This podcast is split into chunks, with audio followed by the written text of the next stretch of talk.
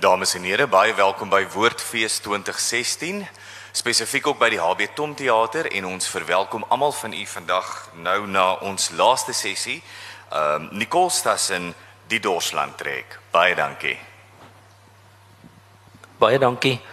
Ehm um, ek wil net hier my twee gaste hier vanaand voorstel hier aan my linkerkant aan u regterkant is 'n uh, hy's in Stellenbosch beter bekend as uh, Roof Besuinhout in Pretoria is hy bekend as professor Andrius Besuinhout in sosiologie en ek het hom spesiaal gevra met 'n so paar jaar gelede ook oor my vorige boek oor die Angola boere gepraat het. En hy het vir my lekker wonderlike insigte wat ons uh, geskiedkundiges nie noodwendig altyd na kyk nie. En aan my uh, my regterkant uh, professor Frans Johan Pretorius emeritus professor by die Universiteit van Pretoria wat intens gemoeid was met die uiteindelike verskyning van die boek. Hy het oor so 'n tydperk van van weke intens deur elke hoofstuk gegaan en nie net oppervlakkig gelees nie maar kort kort gesê maar jy weet jy begin nou bietjie baie kroniekagtig raak. Jy moet dit interessant maak. Dit is jy, jy kan nie regtig elke dag vertel wat op die trek gebeur het en dit ek dink dit het gehelp om die manier wat ek die boek aan gepak het om dit heeltemal anders te doen. So dit is my lekker om om hierdie twee gespreksgenote hier te hê. Ek wil net eh, weet is hier afstammelinge van die Dorsland trekkers of die Angola boere hier vandag as julle miskien die hande opsteek? Is daar niemand is nie dan sal ek nou seker vir julle die bietjie o daar is 'n hand jammer daar seker een of twee wat skaam is ook dalk hierso. Ehm um, en ek sê dit nou nie sonder iemand enige bybedoelings nie. Ehm um, so dit gaan miskien goed wees as ek net so bietjie oor die Dorsland trek praat want ek het gevind voordat ek die navorsing begin doen het en selfs nou het mense al oor die algemeen daarvan gehoor maar hulle het nie regtig 'n goeie begrip van van wat tydens die trek gebeur het nie en oor die jare het 'n hele klomp persepsies ontstaan wat nie noodwendig goeie verband met die werklikheid het nie. Dit is my altyd interessant om te mense te wys en dan is dit nou mense wat hulle geskiedenis ken om hulle daarop te wys dat nie een enkele persoon tydens die trek van Dors dood gegaan het nie. En dit uh, skok die mense nogal so bietjie maar as jy gaan kyk na die al die verhale en al die geskiedenisse oor die oor die trek dan is dit inderdaad so omtrent verreweg die meerderheid het van malaria dood gegaan dan het 'n klompie aan ander siektes, 'n klomp het aan uh, masels dood gegaan kort voor die einde van die trek, 'n klomp kindertjies aan kinkoes. Dan weet in hulle ons redderde toestand het hulle enige vrugte in die veld geëet en dit dikwels nie op plekke waar hulle gekom het geken nie en dan is daar nog al 'n hele paar dood aan die eet van vrugtige aan aan vrug uh, giftige veldvrugte. Ehm um, een of twee is deur 'n boesman geskiet en dan ek dink daar was ook 'n paar vrouens en klein kindertjies wat uh tydens geboorte gesterf het. So en dan oorkoepelend in oor na al hierdie 7 jaar van lyding moet 'n mens verwag dat baie van die mense aan ontbering gesterf het. Hulle het eenvoudig nie die regte vitamiene gekry in nie en ehm um, dan het hulle basies dieselfde simptome gekry as wat matrose wat skeerbuik gekry het weens vitamintekorte en dit het hulle natuurlik ook baie verswak sodat siektes waarvan hulle miskien nie sou doodgaan nie dat ook baie van hulle daaraan oor oorlede is. Ehm um, die verreweg die grootste oorsaak van dood was malaria gewees. Nou daardie jare het hulle nog nie ehm um, dit was eerstens vir vir sommige van hulle 'n bietjie van 'n onbekende siekte. Want hulle het nie in streke van Transvaal gekom waar die malaria miskien voorgekom het nie. Ehm um, toe hulle by die Limpopo en later langs die suidtakke van die Okavango rivier met uh, die muskiete kennis maak, het hulle nie besef daar's 'n verband tussen die muskiete en malaria nie. En as jy dink dat die trek in 1881 ten einde geloop het en uh, Ross eers in 1901 die Nobelprys gekry het vir die feit dat hy die die verband tussen malaria en en muskiete onteenseglik kon vaslê dan besef jy eintlik ehm um, hoe ver die mediese geskiedenis nog moes gevorder het voordat hulle daai verband besef het. Hulle het toe hulle begin trek het ook nie kanien gehad nie. Ehm um, en dit was eers van die Duitse handelaars wat so 'n paar jaar na die trek begin het toe daar al seker ten minste 150 mense dood is wat vir hulle kanien gebring het en miskien daarom ook die sterftesyfer so bietjie aan bande gelê het. Nou as ek uh, as ek oor die Dorsland trek net die die verloop moet skets, dan sou dit nie sinne sinvol wees om die hele geskiedenis dag vir dag hier te herhaal nie. Maar ek dink almal het so 'n idee van die geskiedenis. Hulle trek redes as ek dit uh ehm um, kortliks kan kan noem. Hulle het hoofsaaklik getrek weens godsdienstige redes. En al hierdie godsdienstige redes hoekom hulle getrek het was gesentreer in die persoon van president Thomas Burgers. Ehm um, sowat 18% van die gereformeerde lidmate in Transvaal, dis nou die die ou doppers in Transvaal het getrek wat vir jou 'n baie goeie aanduiding gee dat daar godsdienstige redes was hoekom hulle getrek het. Maar as jy gaan kyk na die ander kerkgenootskappe, net en die en die doppers was by verre die kleinste uh, kerkie in Transvaal. Hulle het maar ongeveer so 1200 lidmate gehad waarvan 18% nou 'n beduidende klomp is. Maar as jy gaan kyk na die ander amper 28000 mense in Transvaal dan net maar 1% van die NG lidmate en dit was ook 'n baie baie klein kerkie in Transvaal en 0,1% van die hervormde lidmate in Transvaal getrek. Dan kom jy baie agter dat hierdie gevoelens van hierdie kom ek noem hulle nou maar doppers of die dorsland trekkers is definitief nie gedeel deur die oorgrootste meerderheid van die Transvaalse bevolking nie. Nou as ek uh, uh mense hulle mense moet hulle probeer verstaan. Jy kan nie noodwendig altyd met hulle saamstem nie, maar hulle het dit veral genoem die ongodsdienstigheid van president Burgers. En daar lyk dit of daar so 'n paar goed is wat hulle geplaat. Eh, Burgers was natuurlik 'n NG predikant en hy was uh vir daai tyd 'n bietjie van 'n liberale predikant. Hy was in hofsaake betrokke in die Kaap juis omdat hy 'n meer liberale standpunt verteenwoordig het maar dit was vir hulle van van minder belang. Die ander Transvaalers het juis om met 'n oorweldigende meerderheid in die presidentsverkiesing van 1872 verkies. Die doppers het gesê nommer 1, uh die regering wil godsdienstonderrig verban in die skole. Ehm um, ek dink dit was verreweg die belangrike rede, maar as jy gaan kyk hoeveel van daai mense in die skool was in die in die staatskole in Transvaal, dink ek nie daar was 100 uh doppers gewees wat op skool op skool was nie. So hulle kon definitief nie 'n beswaar gehad het oor die feit dat hy nie godsdienste in die, in die skole wou toelaat nie want dit was eenvoudig dat hulle kinders was nie in skole gewees nie. Ehm um, en ek dink hulle het hom ook bietjie misverstaan want hy het gesê godsdienstonderrig moet net nie gedurende skoolure plaasvind nie. Dit die skool is vry om na skoolure beskikbaar te wees vir godsdienstonderrig, maar daar moet 'n skeiding wees tussen die wetenskap en godsdiens en ek dink dit is iets wat ons selfs vandag nog in ons skole is dit op die oomblik met 'n hofsaak hangende is dit iets wat selfs mense vandag nog nie meer meer sy standpunte ook deel nie. Dan was daar ook ander redes godsdienst wat hulle genoem het godsdienstige redes. Hy het byvoorbeeld vir staatsredes op Sondag gereis wat in hulle oë groot sonde was en hy het ook uh vrymesselaars losies as ex officio as president van Transvaal ge geopen.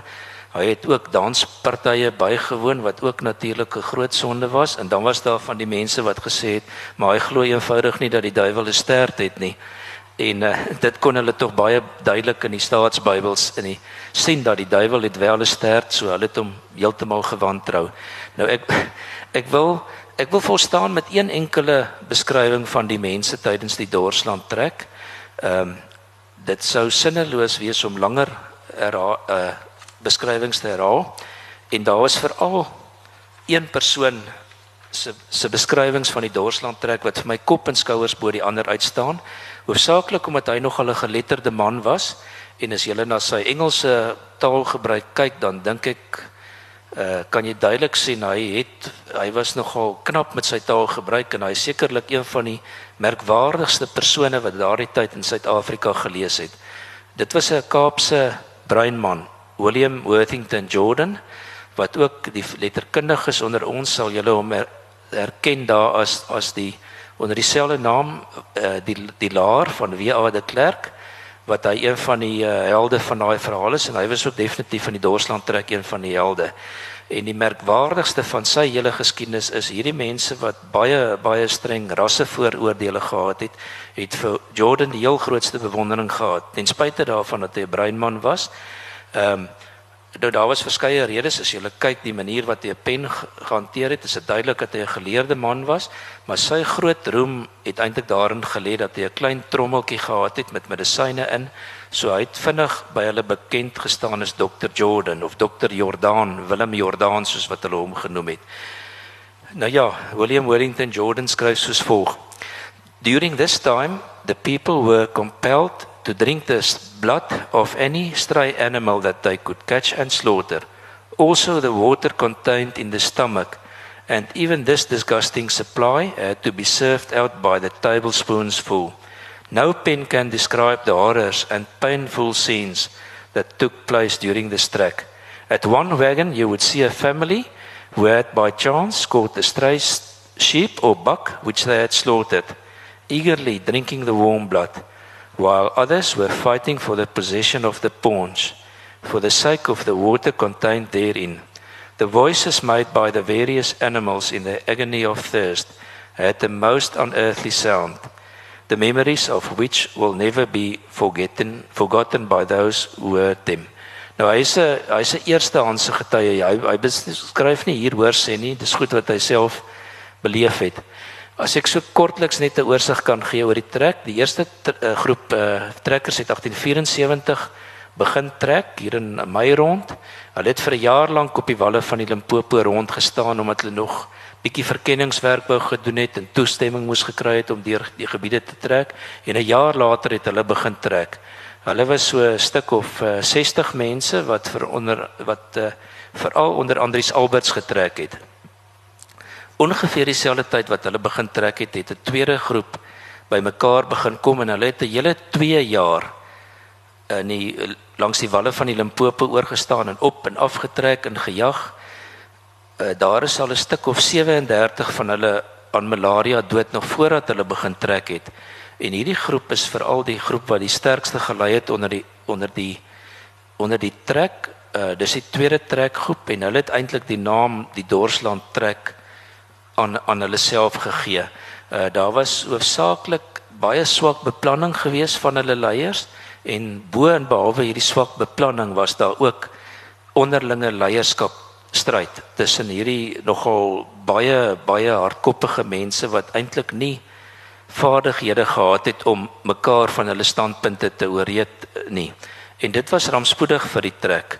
Ehm um, aanvanklik was daar uh uh Lou Du Plessis wat as leier gekies is. Later was dit Jan Greiling en toe weens ongeen onenigheid word Jan Greiling weer afgesit en toe word Du Plessis weer verkies en later is Greiling weer. So dit het gedurig verander en dan was daar nog ander leiers van kleiner groepies wat ook nou nog tot hierdie stryery uh bygedra het. Eers 2 jaar begin hulle trek en dan was daar 'n derde groep toe daai tweede groep begin trek in April 1877, selfde tyd wat Transvaal geannexeer word. Uh begin hierdie derde groepie trek. Hulle trek onder Koos Botha, maar hulle was 'n klein groepie wat met 40 mense en wat eintlik sonder enige groot leiding getrek het. Na ongeveer 2 jaar in die Februarie 1878 uh, het hierdie drie groepe uiteindelik uh, verenig en toe het hulle saam getrek. Ehm uh, uh toe nou deur die noorde van wat ons nou ken vandag is Namibië of Suidwes nog vir 'n paar jaar daar rond geswerf die wat in Etosha was ken daai graf daarso by Rietfontein. In Kahokuland het hulle 18 maande rond geswerf en uiteindelik in in Januarie 1881 het hulle na 'n groot klomp van hulle al 7 jaar lank getrek het het hulle uiteindelik in Angola aangekom. Ek dink dis nou tyd dat ek bietjie stop en vir Andries vra ehm um, of hy nie 'n vraag het of so nie. Nicole, eh, eintlik ons sal dit geniet as jy net aanhou praat want dit is dis 'n baie lekker boek om te lees. Ek ehm um, so die eerste vraag wat ek wil vra gaan oor oor oor die skryf van so 'n boek. Um een van die resensente het gesê dis 'n vir boekdeurblaaiers is dit 'n baie aangename boek want daar's ongelooflik baie fotos en kaarte. So dis deel van die vertelling, maar in die boek praat jy ook van die geskiedenisskrywers van wie, van wie jy hou, wie se werk jy bewonder en jy noem um spesifiek uh, Karel Skooman uh, wat romans skryf maar dan ook geskiedenis en jy gee hom ook uit. En dan Charles van Onselen wat wat 'n geskiedskrywer is wat jy ook wat jy ook uitgegee het. Um en Charles van Onselen word baie keer beskuldig dat hy byvoorbeeld hy sal jy weet die oggend wat Kasma Hine nou opstaan uh, oor wie hy skryf sal hy die sal hy die wolke beskryf. En dan sê hulle, maar hoe weet van ons hulle nou hoe die wolke die oggend gelyk het? Dis nie geskiedenis nie. Hy's besig om hier aan te dik. Hy's besig om sy sy geskiedenis op te op te tower met met met feite wat hy nie kan weet nie. Hoe werk mens met, met daai spanning tussen feite en storie vertel? Wat wat is jou benadering? Baie dankie Andries. Ek dink elke boek leen hom daartoe om in 'n sekere vorm geskryf te word en dit is vir my fantasties dat jy hierdie vraag vra want die manier wat jy daai boek aanpak heel aan die begin beïnvloed uiteindelik die finale produk. Nou in hierdie geval ehm um, ek meen dis 'n storie wat oor 7 jaar trek hulle uh, strek. Hulle het by een dag begin, daar was bietjie 'n voorafloop. Hulle het vir 7 jaar lank getrek en uiteindelik in Angola aangekom. Nou ek dink jy sou dit analities kon aanpak en daar is stukke wat ek analities aangepak het wat ek nie eintlik 'n storie vertel nie, maar probeer om trekredes te ontleed of bietjie meer van hulle daaglikse omstandighede te vertel en so aan. Maar oor die algemeen so tipe boek moet jy aanpak as 'n storie. En dit is dink ek veral waar Fransjo in Pretoria vir my ook baie nuttig was om daai vervelige daaglikse alledaagse lewe wat 'n mens baie maklik in kan verval om my bietjie weg te hou daarvan. Nou ek was ook bietjie moedswillig en ek het gesê maar ek dink dit is ook vir my belangrik om 'n idee te gee van hoe was hierdie mense se daaglikse lewe, maar as dit nou regtig te erg begin raak het, dan het ek maar goeie saam saam opgesom en wat ook al net om die storie so bietjie 'n loop te gee. Nou Karel Skuman uh, is vir my 'n uh, eh, vir ek dink soos vir enige iemand 'n baie interessante figuur. As jy moet hom gaan kyk hoe hy pak hy sy geskiedeniswerke aan en hoe pak hy sy romans aan. Nou ek dink as jy gaan kyk na sy geskiedeniswerke, dan beskryf hy dit self baie dikwels as 'n tipe van 'n mosaïek wat hy mee besig is om te bou. Hy het stuk uit 'n mosaïek wat hy besig is om te bou. Hy probeer stukkies wat bymekaar hoort bymekaar sit. Maar as hy daarna kyk met die loop verloop van jare is baie van daai stukkies is al weg. So jy moet of dit uitlaat of jy moet self voortborduur, maar jy moet 'n plan maak om hierdie mosaïek te bou. Ehm um, dit kom nie so sterk in sy romans deur nie. Ek dink in sy romans is dit definitief baie duidelik en ek weet nog nie hoe hy dit heeltemal reg kry nie. Dit is vir my bietjie van 'n van 'n wonder die manier wat hy 'n roman aanpak want ek dink amper nie jy kan die romans wat hy aanpak doelbewus skryf nie. Dis amper iets wat jy in jou onbewuste skryf. Ehm um, daar's definitief streng beheer wat hy het oor die vorm van die romans en ek wil dit graag beskryf dat dit amper is soos 'n soos 'n simfonie wat jy komponeer. Jy het 'n uh, eh, verskillende bewegings in daai simfonie. Jy het verskillende leitmotiewe, jy het 'n uh, ehm um, melodie wat daar verskyn en daarna weer herhaal word. En die groot uitdaging is dit om dit so onopsigtelik te doen dat 'n leser nie altyd agterkom wat jy besig is om te doen nie. Ehm um, as ek uh, beskeie mag sê dit was my strewe om dit om so iets te probeer doen en watter mate ek dit suksesvol was weet ek nie maar dit was regtig 'n poging van my om om dit so aan te pak as ek kyk na Charles van Onselen ehm um, hy's vir my 'n buitengewone goeie historikus maar die manier wat hy Engels gebruik is seker vir my nog ook net so meer merkwaardig. Sy beskrywings sy beskrywings van sy persoonlike belang by die mense wat hy beskryf ehm um, dis net verstommend. Nou ek kan nie eers probeer om soos Charles van Onselen te skryf nie.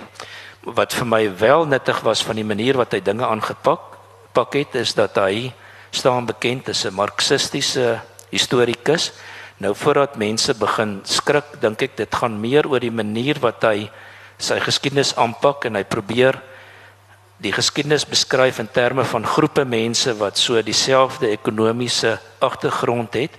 En ek dink hierdie studie het hom ook by uitstek daartoe geleen om te kyk. Hierdie mense het ongeveer almal dieselfde ehm um, agtergrond, hulle dieselfde tipe van werk, hulle daaglikse lewe is dieselfde, hulle ekonomiese faktore is dieselfde. So dit was lekker om 'n om 'n homogene groep te hê wat 'n ou kon kon gebruik en dan veral ook as jy begin kyk het na hulle ekonomiese omstandighede dan dink ek die teorie wat hierdie marxistiese historiese verskaf het was nogal vir my uh baie nuttig om dinge op daardie manier aan te pak eerder as die manier om te sê maar die hele trek was eintlik net die gevolg van 'n paar sterk leiers wat baie sterk uitgestaan het en hulle het die hele verloop van die trek bepaal. Dankie Andries. Uh Frans Johan. Ja, ek is bly jy vergelyk dit met 'n simfonie en ek is baie dankbaar dis nie 'n onvoltooide simfonie nie want ons het hier 'n wonderlike pragtige indrukwekkende boek wat wat uh veel vreugde kan verskaf vir die vir die aankoper. So baie geluk daarmee in die eerste plek. Ek het 'n uh ek is dankbaar dat jy die onderwerp gedek het want in die Afrikanerse geskiedenis is daar 'n paar insidente wat hy van weet. Hy weet van die Dorsland trek, hy weet van die Eerste Vryheidsoorlog, hy weet van Majuba, hy weet van die Anglo-Boereoorlog en hy het al gehoor van Spioenkop, maar daar is nie genoeg kennis om die soort uh dinge bymekaar te kry nie en dit alles in konteks te sien nie. En daarom is dit belangrik dat iemand 'n werk skryf oor 'n onderwerp waarvan ons maar net vaagweg weet. So baie dankie daarvoor.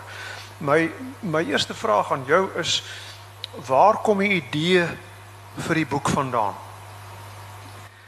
Ja, ek dink uh, ek is iemand wat wyd lees en ek dink enige persoon wat oor die Dorsland trek, lees daai geskiedenis moet jou aangryp. Ek dink nie enige iemand kan onaangeroerd word daardeur nie. Ehm um, en en daarom is dit so interessante geskiedenis. Ek as ek die woorde van 'n vrou kan aanhaal wat met uh, Jan Leon Cachet gepraat het. Ehm um, toe sy vir hom gesê, "Weet jy as ons eendag wil terugtrek Transvaal toe en ons het die pad vergeet het, dan hoef ons maar net so al met ons kinders se grafies langs te trek en dan kan ons weer in Transvaal aankom." Nou dit is vir my sulke aangrypende woorde ehm um, dat dit jou eenvoudig nie ongeroerd kan aanlaat nie. Persoonlik was ek dus geprikkel deur die geskiedenis.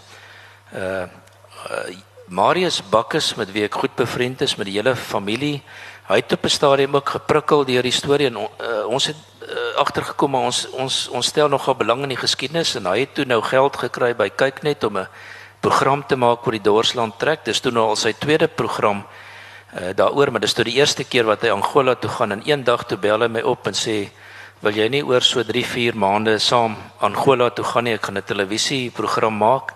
Ons gaan met twee voere saam ry, twee voertuie saam ry met van hierdie Dorsland trekkers vir 3 weke in Angola. En uh jy weet ons is 'n televisiespan van 4 en maar julle is al 4 ouens is dit nou ek en sy pa en sy broer. Julle moet nou maar so weet die karre op die pad hou en sorg dat die petrol tanks vol is elke aand te kos maak en basies logistiek verskaf dat ons die ding kan doen. En toe ek nou daar in Angola kom, dit was net so ongelooflike avontuur, maar ook om by daai plekke te kom wat ek nog net van gehoor het en dit is toe die eerste keer in 40 jaar wat van daai Dorsland trekkers weer daar uitkom want van 1975 af tot 2003 toe ons nou gegaan het was daar vir die meeste van die tyd verskillende oorloë in Angola aan die gang. So dit was die heel eerste keer wat daai mense weer in Angola kon uitkom. Uh ek moet sê dit is ook vir my buitengewoon gasvrye mense, maar ek gaan nou daarby kom. Dit het my in elk geval so geprikkel wat onmiddellik toe ons terug is na 3 weke het ek toe nou met in 'n departement geskiedenis gaan praat met professor Johan Berg en ek het hom gevra, jy weet, kan 'n mens so iets aanpak en kan jy dit doen vir geskiedenis? En hy het gesê ja en toe het ek my navorsing begin. Ek het om portugese dokumente te kan lees het ek portugees aangeleer. Uh, maar omdat mense al reeds oor die Dorsland trek geskryf het en dit nie eintlik goeie praktyk is om dieselfde pad te loop as iemand anders jy moet ek iets nuuts doen. En toe het ek die klompie uh mense Afrikaners wat na 1928 in Angola agtergebly het en waarvan mense eintlik al heeltemal vergeet het oor hulle navorsing gedoen.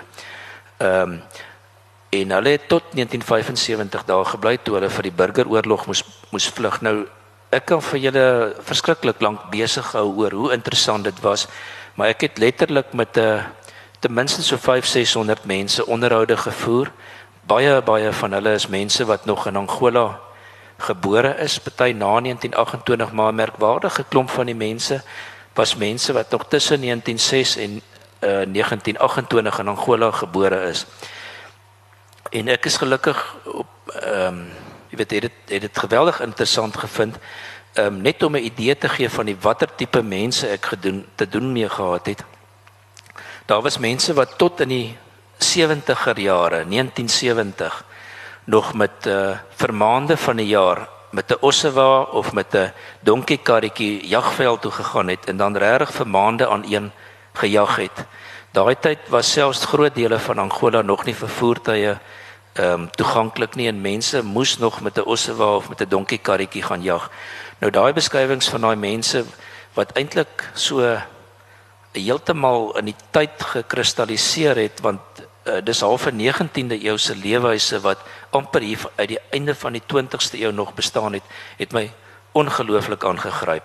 Dan die hele geskiedenis wat ek oor baie kan uitbrei, was ook vir my baie baie interessant. En dan uh, moet ek sê uh, die mense was besonder gasvry geweest. Uh, baie van hulle is in Suid-Afrika, maar die verreweg die meerderheid woon nog in Namibië en die die Namibiërs is nou maar eenmaal baie baie gasvrye mense en ek het ag verskeie kere, seker 10, 15 keer na Namibië toe gery vir 2, 3 weke op 'n keer en dan so so op die spoor van die mense langs gery en vir hulle dokumente gevra en fotos van daai tyd en vertellings en so aan en ek dink nie een enkele persoon was ongunstig om met my daaroor te praat nie. En boonop was dit sulke gasvrye mense. Ek het regtig baie baie goeie vriende gemaak in die tyd. Nicole ek wil uh, jou vra 'n bietjie meer oor die die hele gereformeerde kerk kwessie uit te brei want ek dink dis 'n baie baie interessante deel van die boek. Jy het net nou van ons hulle genoem in die marxiste wat al die ekonomie bepaal alles.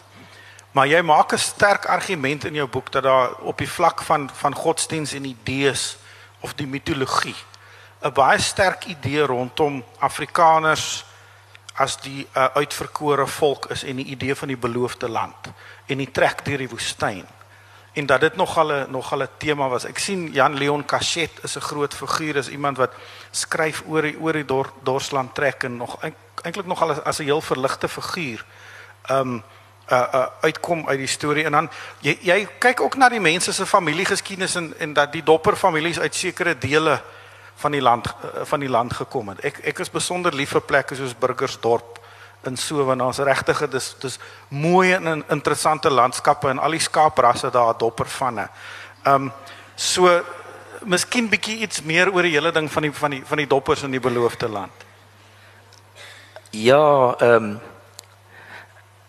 ek ek moet sê ehm um, die die doppers is 'n fascinerende uh, verskynsel.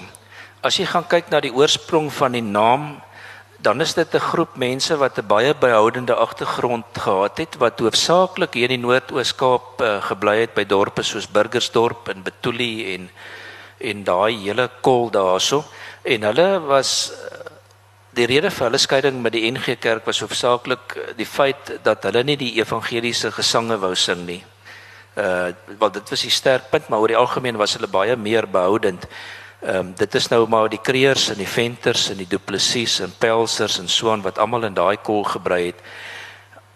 As jy gaan kyk egter na die dorsland trekkers, dan is hulle daai selfe vanne kom ook voor, maar dit is baie keer uh per ongeluk wat hulle voorkom. Hulle kom hulle kom geografies nie van daai deel van die land nie.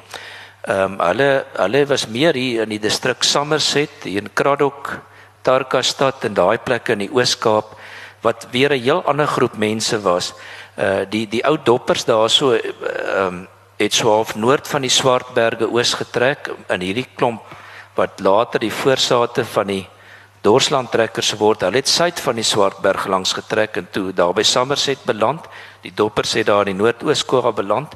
Uh die doppers was oor die algemeen mense wat redelik goed die Kaapse doppers wat mense wat redelik goed met die Engelse oor die weg gekom het, maar hulle het ander maniere van doen gehad. Hulle het byvoorbeeld meer met skape geboer as met beeste terwyl hierdie uh doppers in die Oos-Kaap of nie die doppers in die Oos-Kaap nie, kom ons sê die trekboere daar aanvanklik wat later die voortrekkers geword het. Hulle het meer met beeste gebou en hulle het ook ander maniere huise gebou en so aan. So na verloop van amper 200 jaar was daar verskillende leefwyse vir hierdie twee groepe Afrikaners wat ek dink nie altyd vandag so is nie. 'n Mens dink is geneig om te glo maar die twee groepe het het baie dieselfde gelyk. Nou hierdie klomp mense wat in die in die Oos-Kaap daar by Somerset, Craddock en daai plekke gebly het, hulle het glad nie so goed met die Engelse oor die weg gekom nie. Hoof hoofsaaklik omrede die bedreiging wat die Khoisas vir hulle daarso op die oosgrens gevolg het ge, uh, gevorm het.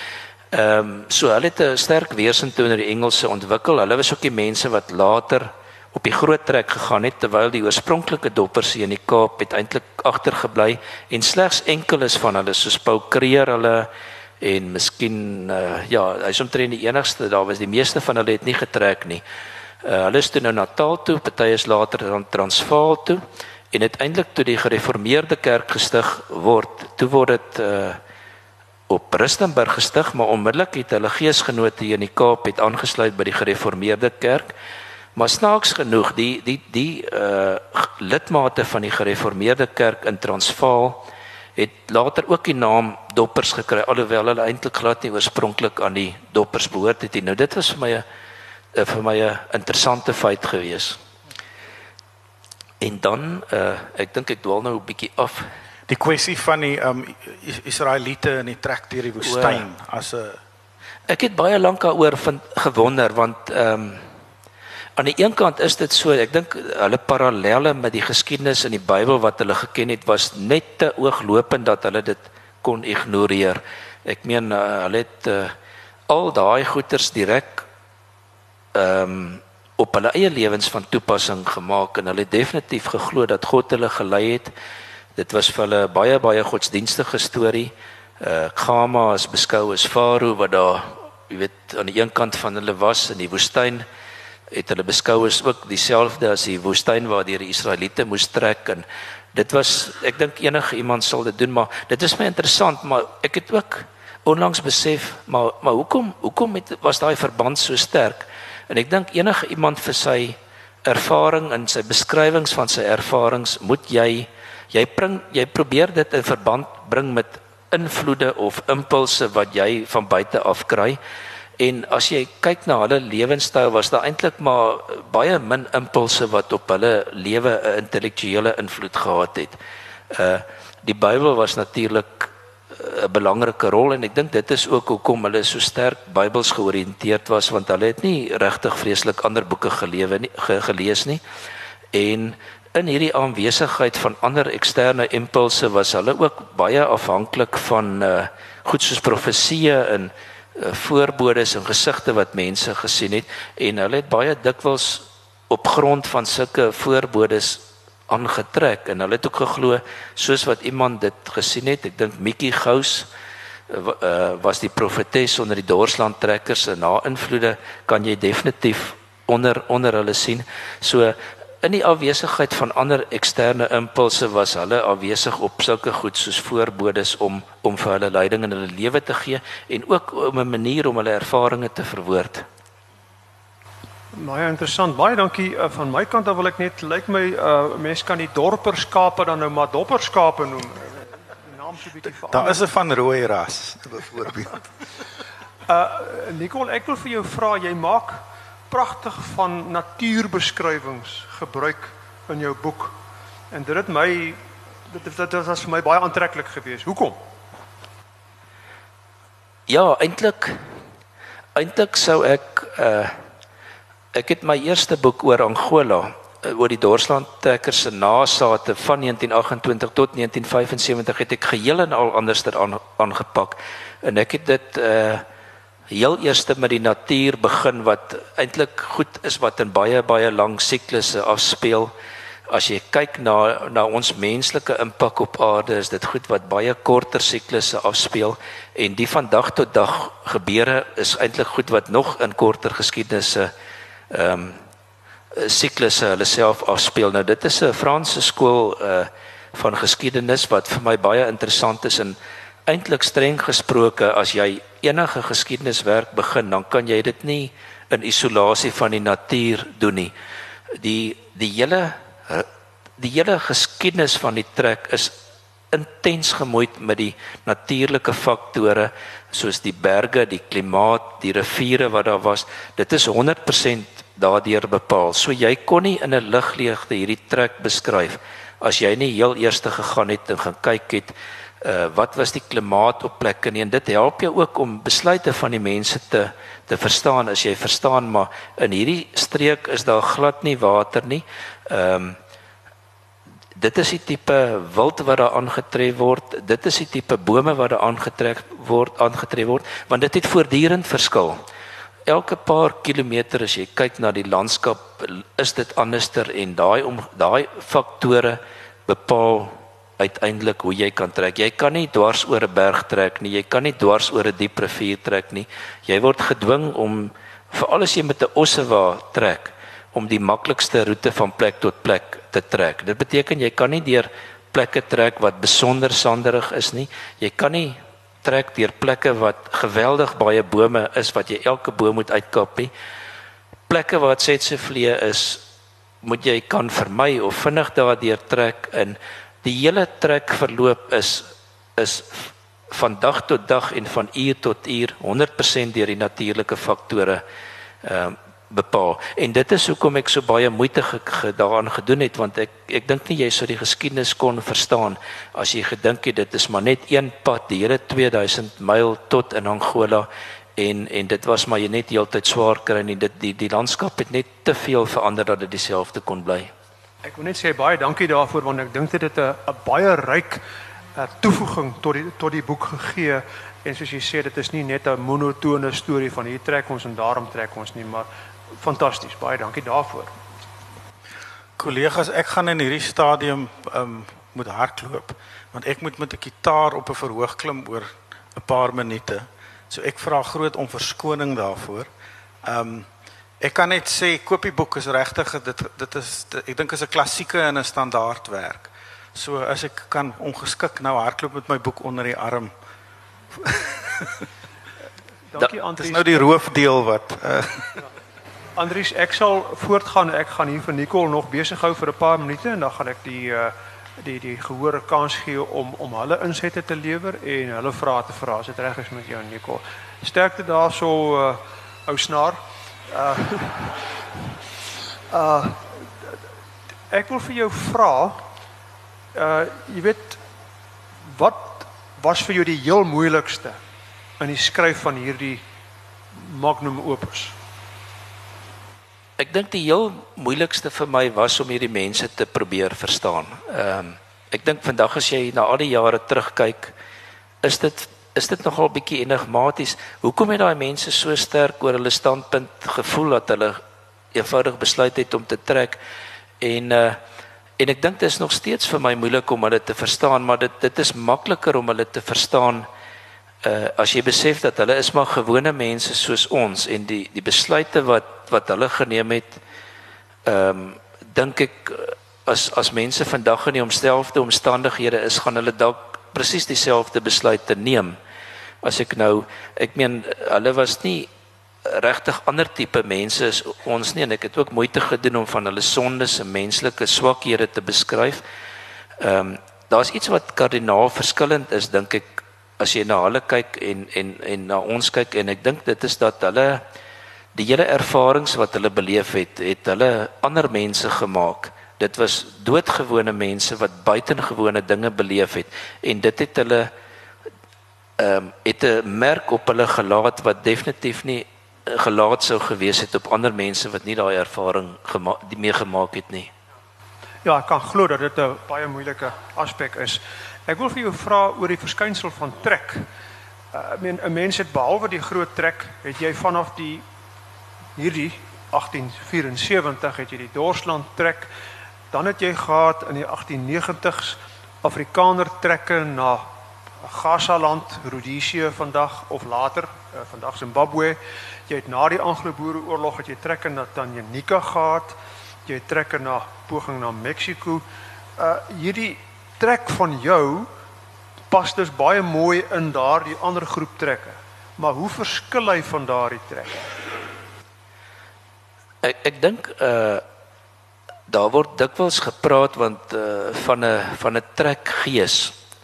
En een van die trekkers het inderdaad teenoor uh Postma dink ek gesê maar ons het 'n roerende gees van trek in ons harte gehad. Ons is eintlik gelukkig met ons regering, maar die redes die uh, vir die trek kon ons nie regtig deurgrond nie. Nou ek stem nie heeltemal uh, daarmee saam nie. Ek dink daar is baie goeie redes hoekom hulle getrek het en ek het 'n hele hoofstuk in die boek waarop ek juis probeer aantoon hoekom is dit nou juis hierdie gereformeerde mense wat getrek het? Want as jy 'n moontlike trekrede het en dit ondersoek, dan moet dit vir jou verklaar hoekom is dit die doppers wat getrek het as dit doodgewoon gegaan het oor 'n trekgees, alle Afrikaners het tog dan sekerlik daai trekgees. Dan moes die hele spul Transvaalers mos getrek het en nie net hierdie groep nie. So dit maak dit vir my bietjie moeilik om van hierdie trekgees te praat. En dan natuurlik as ek 'n uh, eh, uh, eh, een goeie voorbeeld kan noem hoekom 'n mens versigtig moet wees vir vir 'n trekgees is dit uh as jy kyk na die doppers se geesgenote en mense wat die ag die die Dorsland trekkers se geesgenote en mense wat dieselfde vanne gehad het. Dis nou daai venters, die duplessies, die kutsees ensovoorts wat daar in die Noord-Oos-Kaap bly. Ehm um, as jy kyk na die statistiek hiervan ongeveer 1870 voordat goud aan die rand ontdek is en toe dit dit het mense baie meer mobiel in Suid-Afrika gemaak want almal het agter die goud aangetrek, maar voor dit het mense eintlik baie min rondgetrek. Omtrent 85% van die kreërs en hier by ook hier by die 80% van die Kutsees en die Duplessis wat daai tyd in die land was, het daar in die Noord-Oos-Kaap gebly. Wat vir jou sê dat daar uh, ek dink jy daar is 'n goeie rede hoekom 'n genetiese rede hoekom hierdie klomp nou in die Noord-Oos-Kaap sal bly en die mense met dieselfde vanne trek die hele wêreld vol nie. En uh, ek dink die groot ek moet ek moet hom uh ook aanhaal 'n uh, groot geskiedkundige van 'n Merwe, P.J. van 'n Merwe wat die trek verskynsel in 3 boeke ondersoek het. Dit is sekerlik van die mees merkwaardige ehm um, Afrikaanse historiese. Dit sal hy sal seker ook een van die mees merkwaardiges ooit wees. Juist ook oor die feit dat hy ekologiese faktore ondersoek het op 'n tyd wat historiese nog nie gedink het aan ekologiese faktore hoekom mense getrek het nie. Maar die groepe wat hy beskryf het was hoofsaaklik die trekboere wat die die Kaap vol getrek het. Ehm uh, dit was 'n heel ander groep mense as die in die Dorsland trek en die omstandighede en die redes hoekom hulle getrek het was ook heeltemal verskillend. En dan het hy ook mense wat hier in die 40er jare eh, van die 20ste eeu, die 1940s en so aan, daar in die Noord-Oos-Kaap rondgetrek het, het hy persoonlik besoek, baie mooi foto's geneem en daai hele trek verskynsel ondersoek. Nou daai groep se omstandighede was ook net heeltemal te verskillend van die Dorsland trekkers dat 'n ou regtig sinvolle parallelle kon trek. Dames en here, ek u moet my verskoon. Ek gaan nou terugkom na die skrywer en nie die boek nie. Hier in die vroeg 90s, 1990 sit ek daar in in Hatfield in Burnettstraat afgekom op 'n klein tweedehandse boekwinkeltjie. En daar het 'n skugtere jong man gestaan en ons het begin gesels oor die geskiedenis dis toe sy boekwinkeltjie. En vandag is daardie man hier langs my en sy boekwinkeltjie is net reg oorkant die pad in dieselfde straat en is 'n reuse gebou Protea boekwinkel en daarnaas ook natuurlik Protea uh boekhuis die uitgewers. Nicole, ekskuus, ek moet vir jou vra en ek is seker dis mense wat sou belangstel. Waar kom hierdie hele ding vandaan van 'n man wat 'n M in uh, meestersgraad in chemiese ingenieurswese het wat so ver gaan op die ouend by Johanberg en ek is trots daarop dat ek mede-promotor was van jou proefskrif dat ons hierdie man kry wat vandag hier langs my sit ek weet nie, ek dink die ou sou al hierdie goed kon aanpak as jy nie intens nuuskierig is nie en ek dink ek besit daai gawe. Ek weet nie of dit geneties is of toevallig is nie, maar ek is baie baie baie nuuskierig en ek dink dit vind vind ook uiting in die feit dat ek nogal graag lees en ek dink so dis daai liefde van lees. As ek myself moet bestempel, kan ek myself eintlik nie as 'n eienaar van 'n boekwinkel of van 'n uit as 'n uitgewer of selfs 'n historikus bestempel nie. Ek is regtig 'n professionele leser. Ek dink dis wat my die beste tipeer. Ek wil graag gou iets hierso sê want ek is bang jy vra die vraag dalk nie en ek wil dit tog graag sê. Die uiteinde van hierdie Dorsland trek is toe in 1881 toe die boere daar aangekom het. Hulle het vir amper 50 jaar lank daar in Angola gebly voordat omtrent 80% van hulle na destyds Suidwes-Afrika getrek het weens 'n verskeidenheid redes.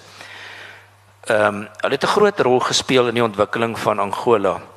Ehm um, net om 'n voorbeeld te noem, as jy vandag daar aan die suide van Angola met 'n kar rondry, dan is die kans amper 100% dat daai pad waarop jy ry is een van die oorspronklike transportpaaie van die van die Dorsland trekkers. Voordat hulle aan Angola gekom het, is dit interessant om te sien wat daar was. Hulle het die wiel na Angola toe gebring in 'n sekere manier. Ehm um, en natuurlik moes hulle paaie maak vir hulle ossewaans. Daarteenoor die Portugese was toe al vir 'n goeie 400 jaar in Angola. Hulle het ook met die wiel na Angola gekom, maar die wiel het uh, merkwaardig genoeg. Ek dink is die enigste plek in die wêreld waar dit gebeur het. Die wiel het heeltemal in onbruik verval in Angola. So die die die trekkers met hulle waans het 'n heeltemal 'n revolusie daar veroorsaak met met die feit dat hulle alles kon vervoer. En dit is interessant. Ek haal graag hierdie voorbeeld aan. Dis nie om geringskattend te wees nie, maar net om 'n idee te gee van hoe die wiel in onbruik verval het. 'n Engelse reisiger wat hier in die middel van die 19de eeu deur Angola gereis het, Montero, hy het beskryf hoe hy 'n 'n kruiwa daar in Angola aangebring het. Nou die gebruik van die wiel was so onbekend geweest dat toe hy vir hulle vertel maar die uh die kruiwa word gebruik om goederes te vervoer het drie mense die kruiwa gevat, twee aan elkeen van die handvatsels en een aan die wiel voor en hulle die goederes daarop gedra omdat hulle nie geweet het hoe 'n kruiwa werk nie. Ehm um, en dan was daar van die mense wat so bietjie die idee gesnap het en Montero beskryf daarso hoe uh ook drie ouens, twee ouens het elkeen 'n handvatsel en die derde ou het die wielietjie probeer vorentoe draai sodat hulle hierdie goederes kon vervoer. Dit gee vir jou 'n idee van hoe die tegnologie sedert die koms van die Portugese onder die Portugese self in Angola agteruit gegaan het. Kyk nou hoe hy my vraag oor Nikolstas en hierso ont hier ontsnap. Uh dames en here, daar's geleentheid vir opmerkings, vrae. Uh, ek is is Philip hier erns besig uh om om met die met die uh mikrofoon rond te loop om om dat, dat ons die vraag baie goed kan hoor. Daar aan die agterkant is 'n hand asseblief. Skus tog, ek wil net ietsie vra. Ek gaan net eers tong en kies iets sê en dan gaan ek twee vrae vra. Soos ek hier staan is ek 'n volbloed dopper gewees met twee oupas wat dopper predikante was. Een het van Nederland gekom en een van hier. Maar 'n opmerking wat Nicole gemaak het wat regtig waar is, daar's niks meer fascinerends as 'n dopper nie, want oral waar hulle gaan word hulle of sleg gesê of gesê hulle dans nie of my hele lewe lank moes ek al hierdie nonsens aanhoor. Vir al wat ek vir jou wil sê is elke Saterdag aan by ons huis, alhoewel my ouers predikantskinders was, het ons gedans. Ek is pots toe, ons het elke Saterdag aan daar gedans en nie in die X-klub nie. So dis nou sommer net so ehm um, tong en kies. Dan wou ek iets gevra het oor die Dorsland trekker. Ons het deeltyds geboer en van ons mense en ek praat nou nie as 'n historikus nie. Het as ons geslag het, het ons helpers op die plaas onmiddellik die bloed van die beeste gedrink en dit vir hulle kinders gegee om hulle sterk te maak. Die vraag wat ek wou vra is wat jy daar iets genoem. Ek het die boek tot my skaamte het ek hom nog nie gelees maar ek gaan hom definitief dadelik lees. Jou boek is het dit gedrink omdat hulle dors was oor of oor een of ander baie geloof. Dan 'n ander storie wat ek al die jare gehoor het of dit waar is weet ek nie. Is dat Sondag het maak nie saak hoe primitief die trekkers was nie hulle wel vir hulle self ordentlik aangetrek het en soort van 'n tipe beskawing hanteer het deur al die tyd wat hulle so getrek het. Of dit waar is weet ek nie. Dankie. Ek moet dan sê my ma is 'n dopper so ek wil nie lelike dinge van die dokker dopper sê nie. Ehm um, Ek dink hierdie vraag is nou oor die stukkie wat ek gelees het oor die diere wat hulle geslag het om die bloed te drink. Ek dink in daai geval was dit maar om die vog in die bloed te uh, want daar was regtig niks anderster nie en ek dink mense wat uh diere ken, weet jy kan ook daai pens mis, die bietjie druk om die vogtigheid daar uit te kry en so aan.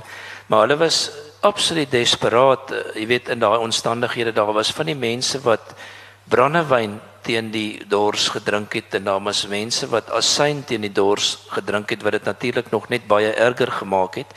Ek dink uh ek dink jy ou moet hierdie doppers as te sedige mense beskou nie. Uh daar's baie baie aangeteken watter drankies hulle op die trek gedrink het van ram tot rooiwyn tot aguardente en so aan. So hulle daar was van hulle wat definitief nie gedrink het nie en daar was van hulle wat lief was vir 'n vir 'n sopie. Ehm um, En dan was daar natuurlik ook die wat gedans het. Ek dink daar was so 'n paar keer nuwe jaar gevier wat daar definitief aangeteken is hoe die hoe die doppers gedans het. Daar agter in die middel is nog 'n vraag asseblief. Ja, die klere drag was baie interessant. Kyk, uit die aard van die saak het die mense eh, ehm um, meer behoudende klere aangetree en uh, daar is baie gevalle van boedels tydens die trek wat beredder is uh wat die klere wat daar is is 'n belangrike item op die boedels uh, gewees. So dit gee vir jou 'n baie goeie aanduiding van die tipe klere wat hulle gehad het. Maar ek meen jy moet realisties wees. Hier's van hierdie mense wat in 1874 begin trek. Daar kon hulle in 1875 nog vinnig deur hy Rustenburg toe om klere te gaan koop. Maar jy moet weet toe hulle in 1881 aankom, dit is toe nou al 6 jaar later en hulle het nie groot uh, kaste klere gehad soos ons nie. Daai mense het maar 'n paar broeke en 'n paar hemde gehad in die beste gevalle.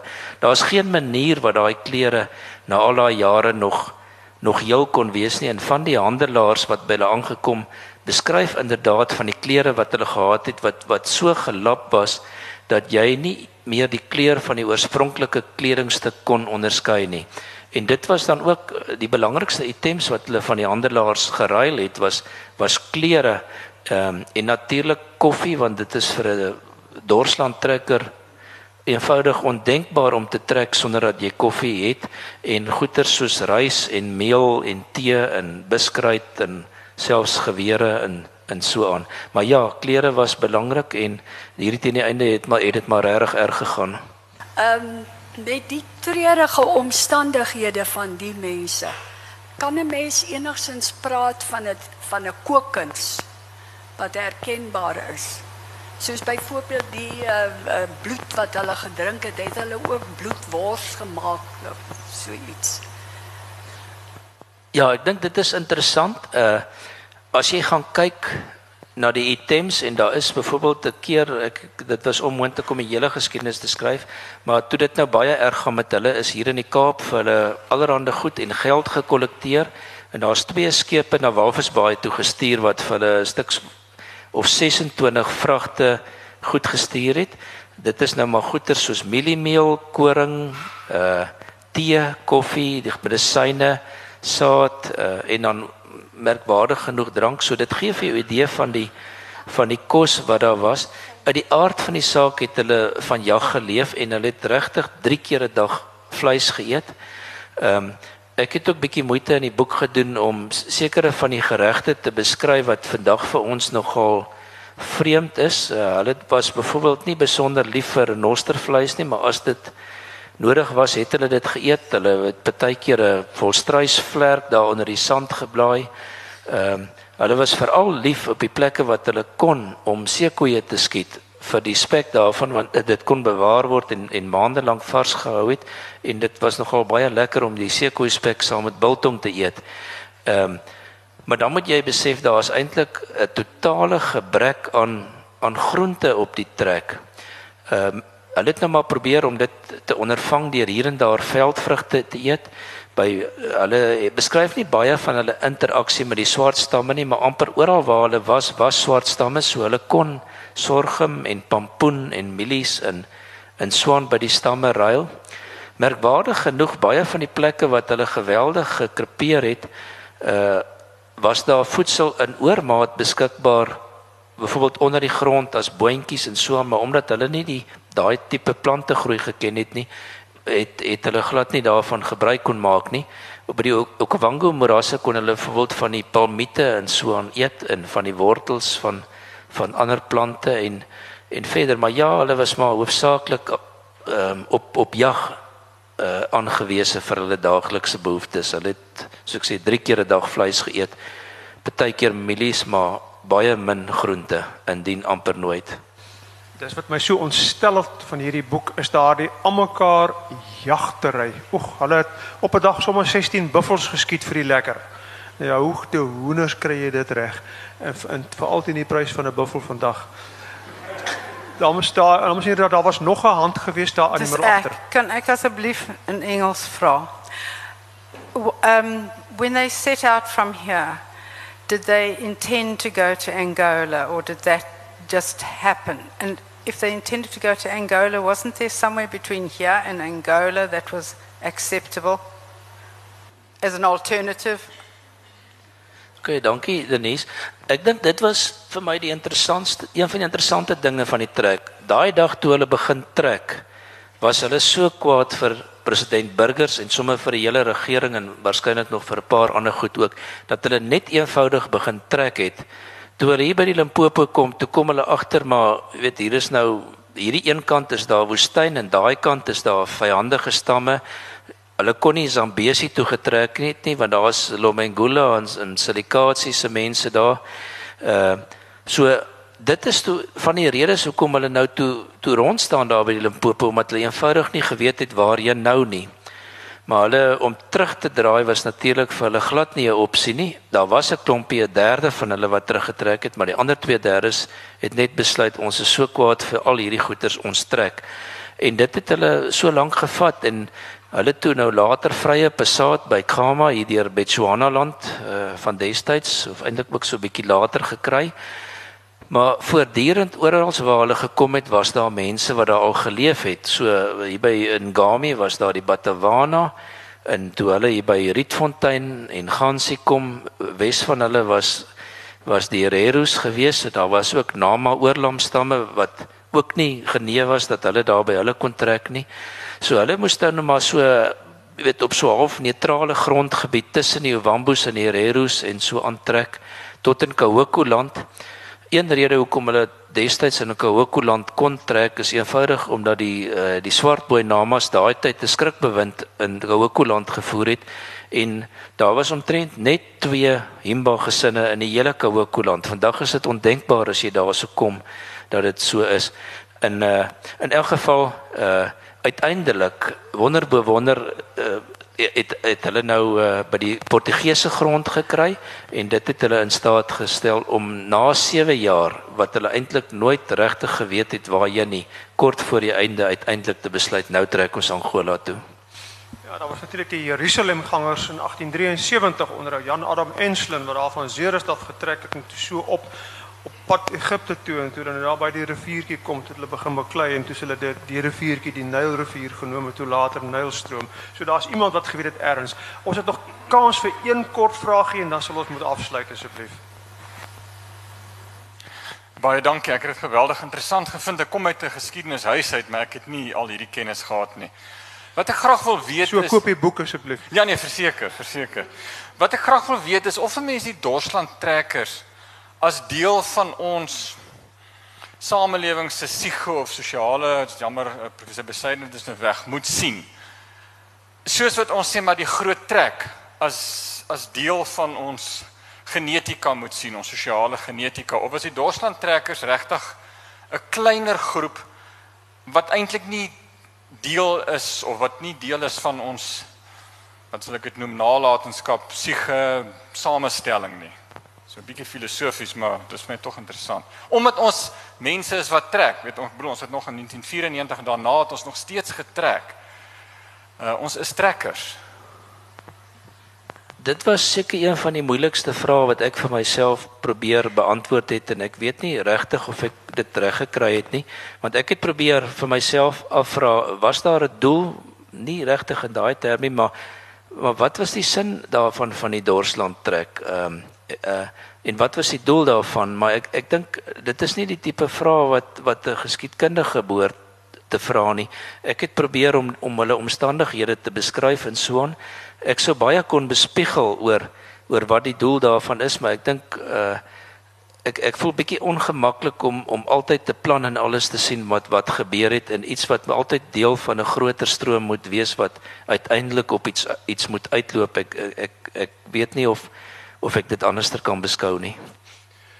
Dames en here, baie baie dankie vir u teenwoordigheid. Ons het hier te make met 'n 'n 'n historikus in wording omdat hy nou al 'n hele paar boeke geskrywe het wat uh, wat regtig uitsonderlike werke is. As as u selfs gaan kyk na sy nege bylaas, die name van die mense wat wat getrek het, die sterftes. Uh, dit is werklik 'n indrukwekkende werk. Uh, Nicole, uh, ek is bly om deel te kon gewees het daarvan en dit is vir my 'n voorreg om vandag met jou te gepraat het. Baie dankie.